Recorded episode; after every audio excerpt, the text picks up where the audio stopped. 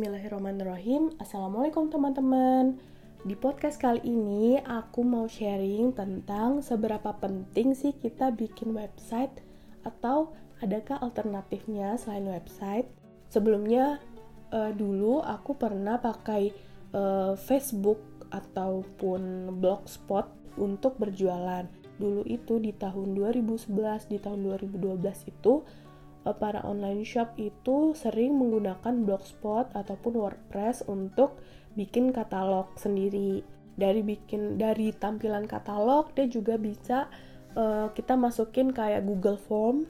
Jadi dimasukin form untuk order dari situ bisa diinput order dari customer. Nah, dulu sih aku mikirnya untuk rapi. Terus misalnya sistemnya biar lebih teratur lah gitu dan uh, data-datanya kecatat dengan uh, dengan rapi gitu. Lama kelamaan uh, seiring berjalannya waktu website ini makin menjamurkan developer website juga makin banyak harganya juga ada yang sangat terjangkau gitu sampai yang mahal pun ada. Dari situ aku mikir apakah perlu bikin website atau tidak? Nah kita mungkin pernah tahu ya ada yang namanya multiply ada yang namanya uh, forum jual beli kaskus. Nah, itu kan sebuah platform untuk jual beli online. Tapi ada masa-masanya juga platform itu malah eh, nggak uh, aktif lagi gitu. Nah, dari situ aku mikir, wah berarti kita perlu rumah sendiri nih untuk berjualan online. Dibandingkan kita hanya berharap sama platform yang kita gunakan sekarang. Misalnya kayak kita pakai Facebook, pakai Instagram. Memang Facebook dan Instagram itu sekarang makin uh, makin apa ya seperti makin gede gitu ya. Dan dia juga makin berinovasi dengan fitur-fiturnya. Itu alhamdulillah untuk membantu para uh, bisnis online pebisnis online. Tapi kan kita nggak tahu juga nih buat jaga-jaga kita harus tetap punya rumah sendiri yaitu website sendiri. Nah dari situ uh, aku mulai cari-cari info tentang bikin website. Dan bikin website itu sekarang udah gampang banget. Banyak developernya yang harganya sangat terjangkau gitu. Dan menurutku ada beberapa tujuan atau fungsi dari website itu sendiri. Yang pertama itu untuk tracking pengunjung website. Khususnya karena aku pakai iklan Instagram uh, dan Facebook itu ada yang namanya Facebook Pixel jadi Facebook Pixel itu cara kerjanya kayak Google Analytics. Jadi dia tuh kayak sebuah kode, kode yang kita masukin ke uh, website kita dan nanti uh, kegiatan pengunjung website itu akan kebaca dan akan terdata gitu. Sampai terdata dia uh, pakai device-nya apa, iOS atau Android kayak gitu bisa kebaca. Terus dia ngeklik ngeklik uh, kategori-kategori produknya itu apa aja. Itu juga bisa kebaca. Jadi kita bisa ketahuan wah misalnya produk uh, kalau di aku tuh ada produk uh, flat sama sneakers banyakan yang mana nih pengunjungnya? Itu kelihatan.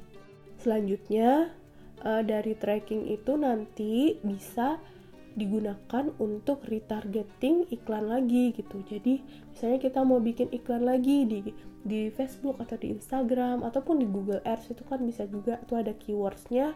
Kita bisa bisa aja retargeting untuk uh, customer-customer yang memang udah pernah berkunjung ke website kita gitu kan. Itu kemungkinan untuk dia lebih aware sama brand kita atau toko kita itu kan lebih tinggi dan mungkin uh, semakin sering dia terpapar iklan jadi nanti akhir ujung-ujungnya bisa closing untuk order gitu. Nah teman-teman kan pernah mengunjungi e-commerce gitu kan nanti setelah mengunjungi kita close terus kita pindah ke browser atau ke aplikasi lain terus nanti tiba-tiba ada aja iklannya yang berhubungan sama e-commerce yang kita buka tadi cara kerjanya seperti itu kira-kira dengan uh, tracking pengunjung website.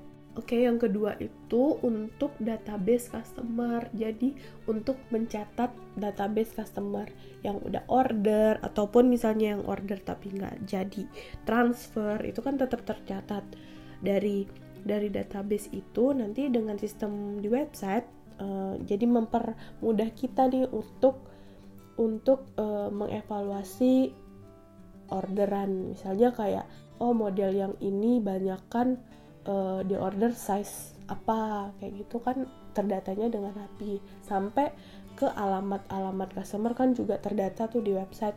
Misalnya wah ternyata customer kita banyak kan di daerah mana gitu kan. Itu kan bisa jadi evaluasi buat kita nanti evaluasi untuk marketing selanjutnya untuk strategi uh, pemasaran selanjutnya. Mungkin kalau database customer bisa dilakukan manual itu bisa tapi pasti uh, ketelitiannya uh, lebih rendah gitu daripada dengan menggunakan website gitu dan juga kerjanya bisa jadi double gitu kalau kita kerja kalau kita mendatanya dengan manual.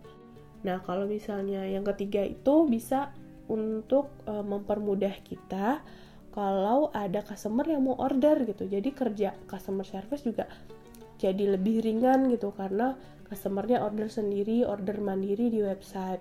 Nah, ini sebenarnya ada PR buatku juga karena nggak semua customer mau order langsung apalagi dia perdana order. Nah itu kan pasti dia pengen uh, tahu dulu tingkat apa namanya tingkat kayak kepercayaannya harus dibangun dulu gitu. Nah itu bisa aja dengan chatting uh, kayak emosi ininya lebih kebangun gitu. Karena dia membeli dengan orang yang nyata gitu. Nah ketimbang dia cuma order klik klik klik dari website. Eh, nggak e, apa-apa. Untuk e, awal itu mungkin dia akan order melalui chat. Tapi untuk yang kedua kita bisa juga mengedukasi dia untuk order mandiri di website gitu kan. Pasti lebih gampang dan dia juga lebih karena udah terbangun kepercayaannya dia tinggal repeat order lebih gampang kan memang di website. Jadi tinggal klik-klik tanpa nunggu antrian atau nunggu balasan chatnya. Dari ketiga tujuan website itu teman-teman bisa uh, bisa mempertimbangkan sendiri apakah teman-teman uh, setujuan apa tujuan bisnisnya atau membangun bisnisnya itu perlu tiga hal itu gitu. Dan uh, ada juga nih alternatif alternatifnya gitu. Nggak harus website. Ada sekarang banyak aplikasi atau software ya membantu para pebisnis online untuk untuk kayak tracking pengunjung atau misalnya ngedata customer gitu. Itu banyak yang uh, punya aplikasinya gitu kayak misalnya yang aku tahu kayak ada namanya ngorder ngorder.id terus misalnya ada juga uh, Sally Keyboard kalau nggak salah. Itu lebih ngebantu pas teknis chat chattingannya gitu kan. Cek-cek resi atau misalnya ngasih ongkos kirim lebih gampang kasih invoice lebih gampang.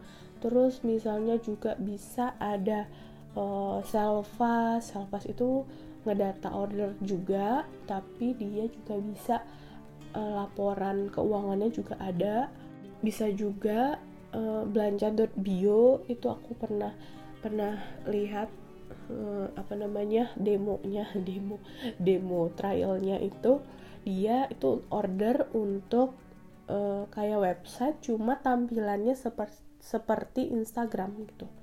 Nah itu kan banyak tuh pilihannya dan pasti masih banyak lagi yang mungkin aku nggak tahu gitu. Tapi teman-teman pasti tahu.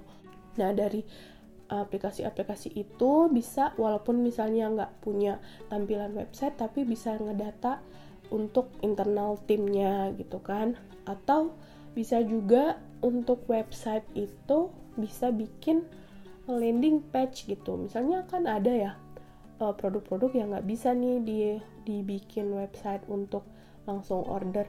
Misalnya kayak jasa aja uh, jasa itu kan uh, sesuai apa sesuai keinginan atau misalnya custom kayak gitu kan.